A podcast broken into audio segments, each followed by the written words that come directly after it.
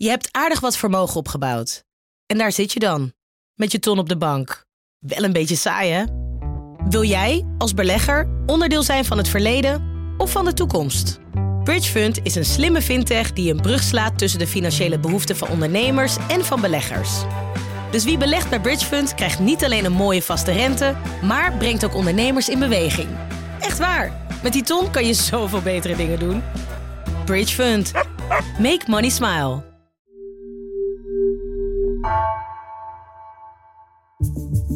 Vanaf de redactie van NRC het verhaal van vandaag. Mijn naam is Floor Boon.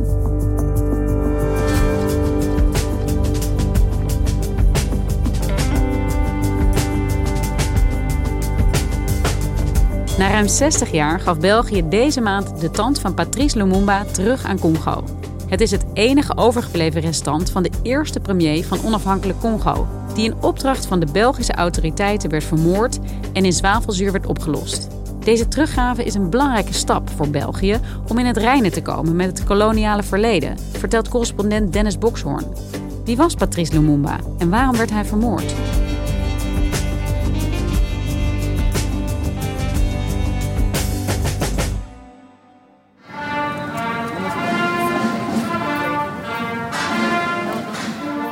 Op maandag 20 juni uh, was ik bij de begrafenisceremonie van Patrice Lumumba in uh, Palais Egmont in Brussel. En daar werd de tand van Lumumba ruim 60 jaar na zijn dood uh, teruggegeven aan zijn familie. In de kist zit een klein blauw kistje met het vermoedelijke stoffelijke overschot van Lumumba. Een tand. Die heeft het Belgische gerecht overhandigd aan de familie en bij uitbreiding Congo. En er waren toespraken van de Belgische premier Alexander de Croo, van de Congolese premier Jean-Michel Sama Lukonde van Juliana Lumumba, de dochter. Het was een besloten eh, ceremonie. Journalisten stonden buiten te wachten. Ik kon wel meekijken op een scherm. En buiten stonden nog iets van 150 mensen. Congolezen met name, die met de familie uit Kinshasa naar Brussel waren meegevlogen. Het was een belangrijk moment voor beide landen, omdat België eigenlijk met die ceremonie opnieuw afstand eh, neemt van haar koloniale verleden toespraak van Juliana Lumumba was heel persoonlijk. Ze moest huilen, richtte het woord rechtstreeks aan haar vader. Ze zoekt eigenlijk nog altijd naar antwoorden rond zijn dood. Zij, papa, we weten nog steeds niet ehm, wie je heeft vermoord, waarom je bent vermoord, waar precies. Ja, we hebben geen antwoorden. We zoeken nog steeds. Comment es-tu mort? On ne sait pas. Quand es-tu mort? On ne sait pas. Où as-tu été assassiné On ne sait pas non plus. En tegelijkertijd, even later in de speech, zei ze: Ik ben de regering van België erg erkentelijk voor ja, de manier waarop België probeert in het reinen te komen met het koloniale verleden. Door spijt te betuigen, door te zeggen wat er allemaal is misgegaan in die jaren van overheersing eh, door België in Congo. Daar was ze heel blij mee. Uh, maar tegelijkertijd was dit natuurlijk een heel emotioneel moment voor haar. Omdat ze ja, 60 jaar na zijn dood eindelijk haar vader kan gaan begraven. Père, à présent, bien retour au pays. Merci.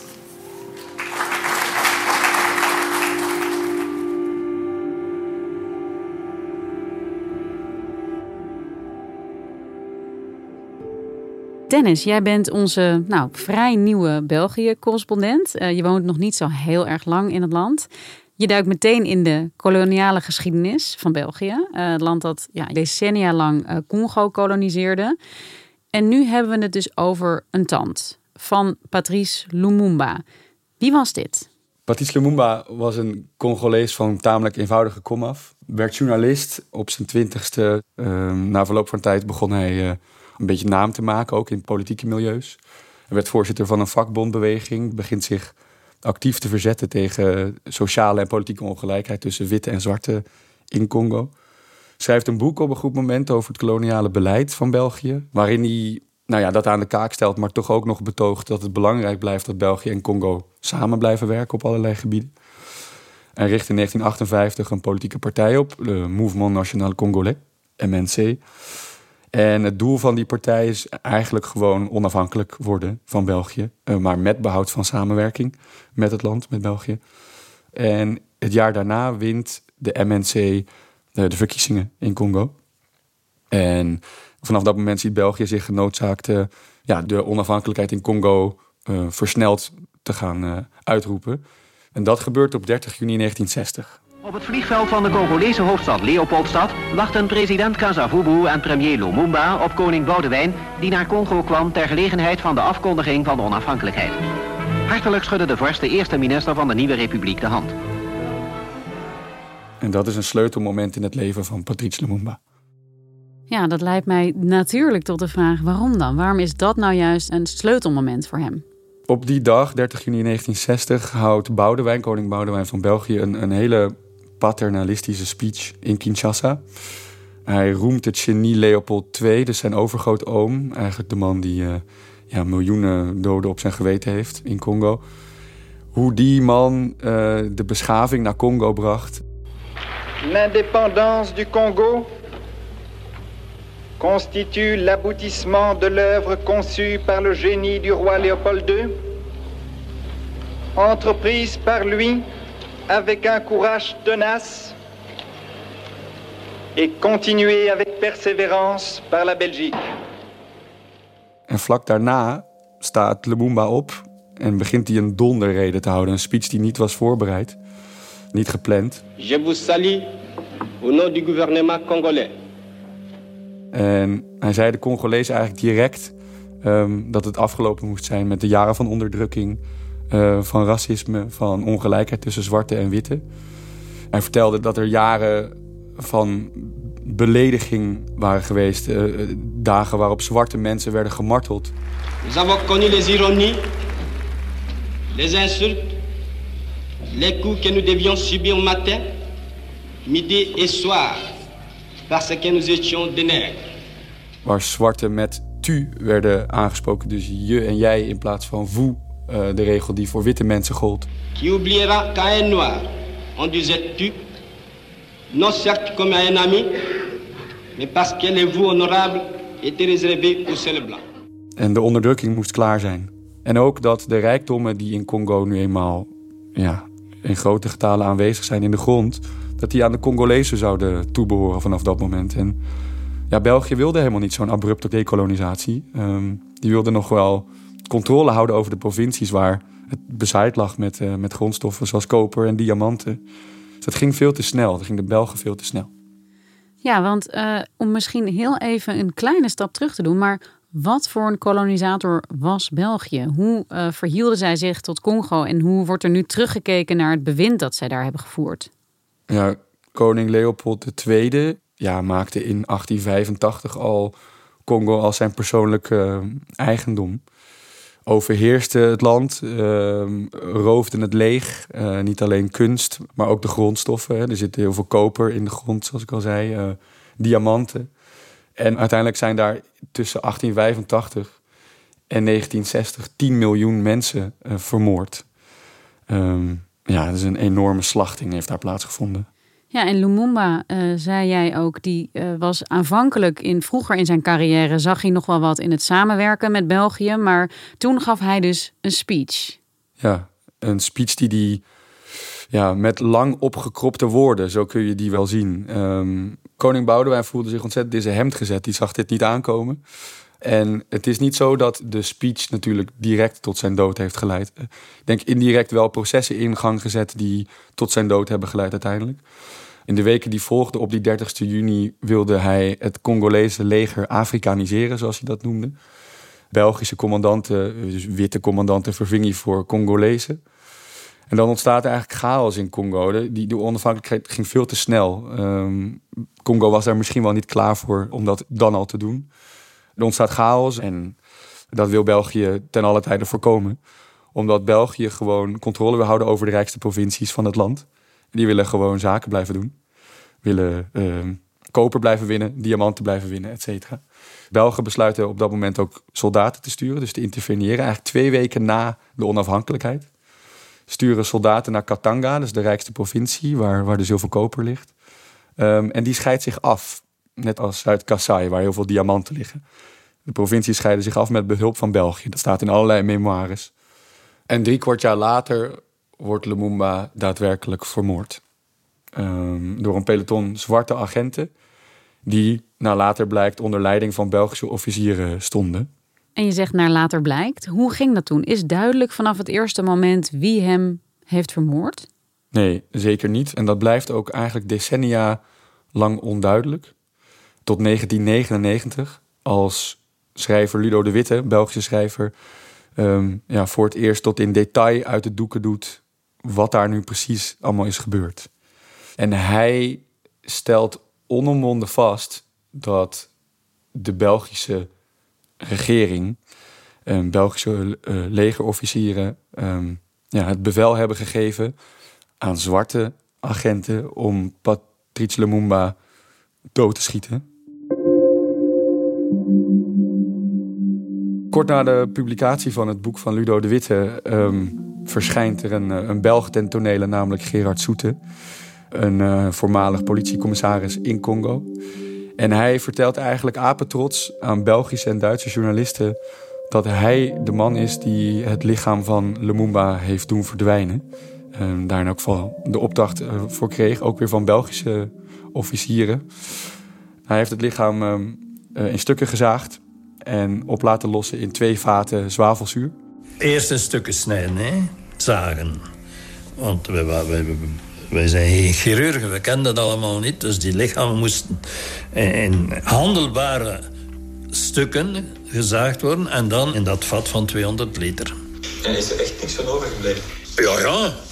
Er is wel iets van overgebleven, maar daar ga ik niet over praten. Maar vlak voordat hij uh, dat deed, trok hij twee tanden van Lumumba. Sneed hij vingerkootjes af en bewaarde hij uh, uh, wat kogels die het lichaam van Lumumba doorzeefden. En die nam hij mee naar België als jachttrofee. En daar vertelde hij heel trots over aan Belgische en Duitse journalisten. Ja, en oplossen in zwavelzuur. Uh, België wilde duidelijk ook echt dat dat lichaam echt voor eens en altijd helemaal zou verdwijnen. Men wilde voorkomen dat uh, het graf van Lumumba uh, tot bedevaartsoord zou uitgroeien. Dus dat lichaam moest weg en daar moest niets meer van overblijven. En wat bracht die moord op Lumumba in der tijd teweeg? Welke gevolgen heeft het gehad ook voor dat hele proces van onafhankelijkheid dat dat op dat moment gaande was? De moord op Lumumba bracht ontzettend veel protest, internationaal protest teweeg. België, maar ook de Verenigde Naties, de VS spraken schande van die dood. Um, en er braken protesten uit tot in Egypte. Bij de Belgische ambassade is het tot heftige betogingen gekomen naar aanleiding van de moord op Lumumba. Maar de Belgische regering wast haar handen in onschuld. Vooral in derde wereldlanden is de verontwaardiging groot. Patrice Lumumba was hun held. In Congo brak ook chaos uit. Het land is vervolgens uh, um, onder leiding van Mobutu um, ja, verzand in een dictatuur. En in Congo is die 17 januari um, wel altijd uitgeroepen als nationale feestdag. En Dennis, in 1999 dus al vertelde Gerard Soete over, ja, bekende zijn daad van het oplossen van het lichaam in zwavelzuur op televisie.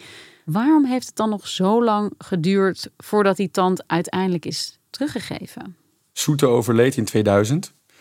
De ophef in België ontstond eigenlijk na het boek van Ludo de Witte, die reconstrueerde wie Lumumba vermoord heeft. En naar aanleiding van dat boek kwam er een parlementaire onderzoekscommissie in België uh, naar de dood van Lumumba. En die concludeerde in 2002: België heeft een morele verantwoordelijkheid voor de dood van Lumumba. Dat is eigenlijk een juridische term om jezelf vrij te pleiten. Daar kan namelijk geen straf op volgen. Voor een morele verantwoordelijkheid bestaat geen strafmaat. Dus lange tijd ja, bleven die tanden eigenlijk onaangeroerd. En dat duurt eigenlijk jaren. Um, en ze worden ook niet in beslag genomen. Dus men weet van het bestaan van die tanden op basis van die interviews die hij geeft, Soete. En pas in 2016, als Ludo de Witte ontdekt dat de tanden van Lumumba nog altijd in het huis van Soete liggen, die dan dus al lang dood is, dan hoort hij via een, eh, een bevriende collega. Dan gaat hij naar het gerecht in België en dan zegt hij: Ik geef je 48 uur om naar dat huis te gaan en um, die tanden in beslag te nemen. En ik sprak de Witte in Brussel en hij vertelde hoe dat ging. Ik heb dan een klacht ingediend en ik heb hem gezegd, ik zeg, ik geef jullie 48 uur. Want ik organiseer een persconferentie. En de onderzoeksrechter die uh, op het dossier zit, op de, van de klacht, uh, ja, die heeft dan onmiddellijk gereageerd. De tand wordt bij het strafdossier gevoegd. En dit was in 2016. We zijn nu in 2022. En pas nu, nog steeds weer zes jaar later, is dan die tand uh, teruggegeven. Er zit nog steeds zes jaar tussen. Ja, dus Juliana Lumumba heeft in 2018 en in 2020 aan de koning Philippe gevraagd of die tand alsjeblieft terug kan. En ik denk dat de massale Black Lives Matter protesten in Brussel in 2020 ehm, ja, allerlei processen in een stroomversnelling heeft gebracht. Toen veranderde heel veel. Koning Philippe betuigde zijn spijt in een brief aan uh, de Congolese president Felix Tshisekedi. Sindsdien maakt België eigenlijk werk van het teruggeven van roofkunst. Er is een wet in de maak. Komende zomer moet die uh, van kracht uh, worden. Er moet gestemd worden. En Philippe ging drie weken geleden uh, voor het eerst op staatsbezoek in Congo. Ehm, daar herhaalde hij zijn spijtbetuigingen die hij ook in die brief deed. À l'occasion de mon premier voyage au Congo, ici même, face au peuple congolais et à ceux qui aujourd'hui encore en souffrent, je désire réaffirmer mes plus profonds regrets pour ces blessures du passé. Koning Filip zegt in zijn speech: Ik wil me verontschuldigen voor alle onrecht die de Congolees is aangedaan.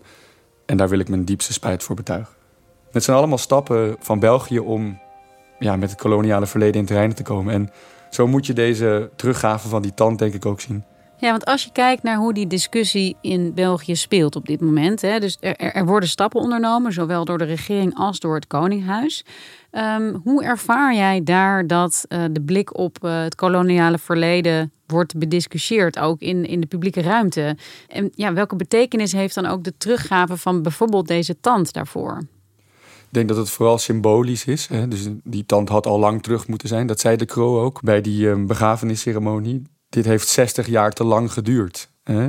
Daar was hij heel ruiterlijk over. Het is niet normaal dat het stoffelijk overschot van een van de grondleggers van de Congolese natie zes decennia lang werd bewaard onder duistere omstandigheden, die nooit echt zijn opgehelderd en waar we in het licht van wat nu bekend is niet trots op zijn. Daar gaat het heel erg over, in, ook in de Belgische media. Hè? Dus men is er volledig van doordrongen dat er ontzettend veel is misgegaan in Congo. En dat het niet kan blijven bij passiviteit. Dus er moet actie ondernomen worden. De Croo heeft het steeds over een bladzijde die hij wil omslaan. Hij wil het verleden afsluiten zonder dat onbenoemd te laten. Dus hij wil daar eerst ruiterlijk over praten. En vervolgens wil hij een bladzijde omslaan en samenwerken met Congo. Dus uh, op militair gebied, um, ecologisch gebied, ontwikkelingssamenwerking.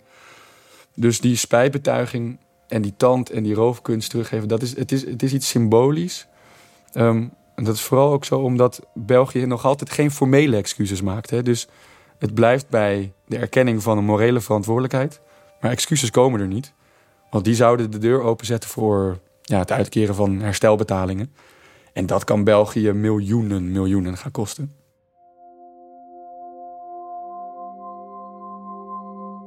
En nog heel even over die tand. Hè? Want we hebben het over een tand, een hele kleine tand. Uh, van een hele grote uh, man met grote betekenis. Die tand is inmiddels terug in Congo.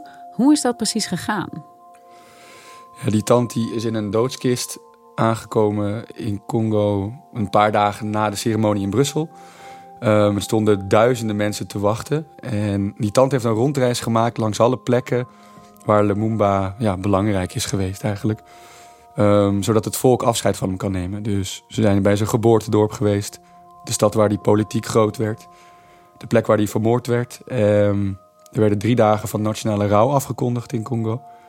En gisteren is hij op de 30ste juni, de 61ste onafhankelijkheidsdag van Congo, bijgezet in Kinshasa, in de hoofdstad, in een mausoleum dat is opgericht in zijn naam. Dankjewel, Dennis. Graag gedaan.